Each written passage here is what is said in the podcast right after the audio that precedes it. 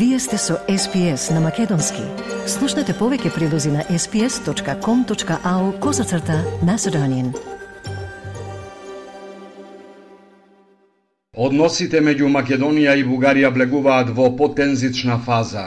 Министерот за надворешни работи Бујар Османи вчера во собранието на седницата за пратенички прашања рече дека потегот на официјална Софија да го повлече својот амбасадор од Македонија е неоснован. Тој рече дека Бугарија подклекнала на провокациите на тие што сакаат да ги нарушат односите меѓу двете држави, а последните активности на официјална Софија не се во согласност со договорената практика за унапредување на меѓусебните релации. Иако повикувањето на амбасадор на консултација во матичната држава е право на земјата испракач и редовна дипломатска пракса, Министерството за надворешни работи изразува жалење за ваквиот чекор кој што и сметаме дека е неоснован, неподкрепен со валидни аргументи и непропорционален. Шефот на бугарската дипломатија Николај Милков пак во вчерашното интервју за БНТ не даде прецизен одговор кога бугарскиот амбасадор ќе биде вратен во Скопје, откако завчера изјави дека го повлекува на неодредено време, се додека, како што рече, Македонија не го подобри односот кон бугарите во земјава извикването на посланник за консултација. Повлекувањето на амбасадорот на консултации значи дека нешто во билатералните односи сериозно е нарушено. Ние имаме ескалација на дејства кои не се пријателски кон Бугарија. На действија кои не се пријателски по отношение на Бугарија. Евроамбасадорот во земјава Дейвид Гир ги осуди изјавите на европратеникот Джамбаски за територијални претензии кон Македонија и за заканата кон председателот Пендаровски дека врз него ќе биде извршен атентат.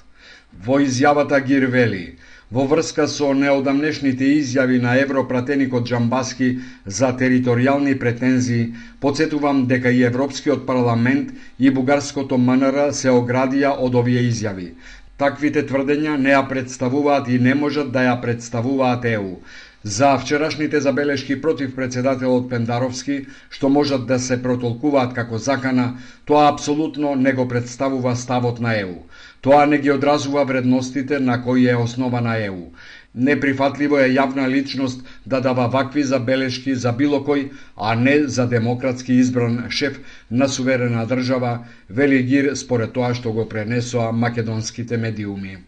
Во Македонија нема антибугарска омраза и хистерија, рече премиерот Димитар Ковачевски на вчерашната собраниска седница за пратенички прашања. Тој рече дека Министерството за внатрешни работи ќе стори се да има мирно чествување на 4 февруари на гробот на Гоце Делчев по повод 151 негов роден ден, а настанот е оценет како настан со висок ризик.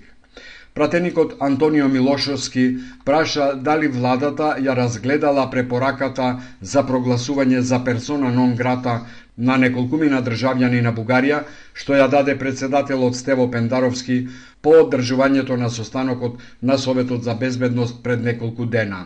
Дали владата, согласно членот 11 од Законот за странци, ја разгледувала препораката за прогласување на персона нон грата на неколку државјани на соседна Бугарија, вклучително и на еден пратеник, кој што има основа да се тврди дека не ги исполнуваат критериумите за зачувување на јавниот поредок во Република Македонија, нивното действување е спротивно на националната безбедност, а исто така ги загрозува и македонските меѓународни односи. Ковачевски пак не прецизира дали ќе биде искористено правото да се забрани влез во Македонија на државјани од Бугарија, туку само рече дека МВР ќе стори се да има мирно чествување. Министерството за внатрешни работи е задолжено согласно со своите процедури, согласно со закон, да организира мирно чествување на овој настан. Членот 11 од Законот за странци пак предвидува забрана за влез во Македонија на лице за кое има предупредување во системот за контрола на патници и возила или пак ако представува закана за јавниот поредок, за националната безбедност, за јавното здравје или за меѓународните односи на земјата. Советот на македонските амбасадори и вчера се јави со реакција во која пишува дека смета дека итно треба да се смират емоциите, да се промислува државнички и да се делува трезвено, бидејќи до решение може да се дојде само со преговори меѓу двете дипломатски служби по растечките тензии во македонско-бугарските односи, се вели меѓу другото во писмената реакција на Советот на амбасадорите. И Американската амбасада во Скопје ги осудува изјавите на Джамбаски.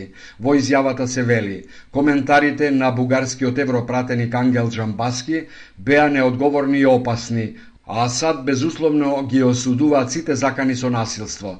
На овие прашања треба да се работи со диалог, а не со реторика и ние повикуваме на деескалација на секој агресивен јазик од двете страни на границата, се вели во реакцијата на Американската амбасада како одговор на прашањето на 360 степени. Джамбаски завчера во изјава за бугарската ТВ Нова, коментирајќи ја изјавата на председателот Стево Пендаровски, дека ќе и предложи на владата тој да биде прогласен за непожелна личност, индиректно му се закани со атентат, подсетувајќи на атентатот на српскиот крал Александар Караѓорđевиќ. Власта и опозицијата се во трка за пратеници, едните да обезбедат двотретинско мнозинство потребно за уставни измени, другите да обезбедат обично мнозинство од 61 пратеник за да ја симнат владата од власт. Председателот на ВМРО ДПМН е Христијан Мицкоски и вчера повтори дека лица кои ги нарече полусвест, а биле во ДУИ и СДСМ, вршеле притисок врз пратениците со закани и уцени.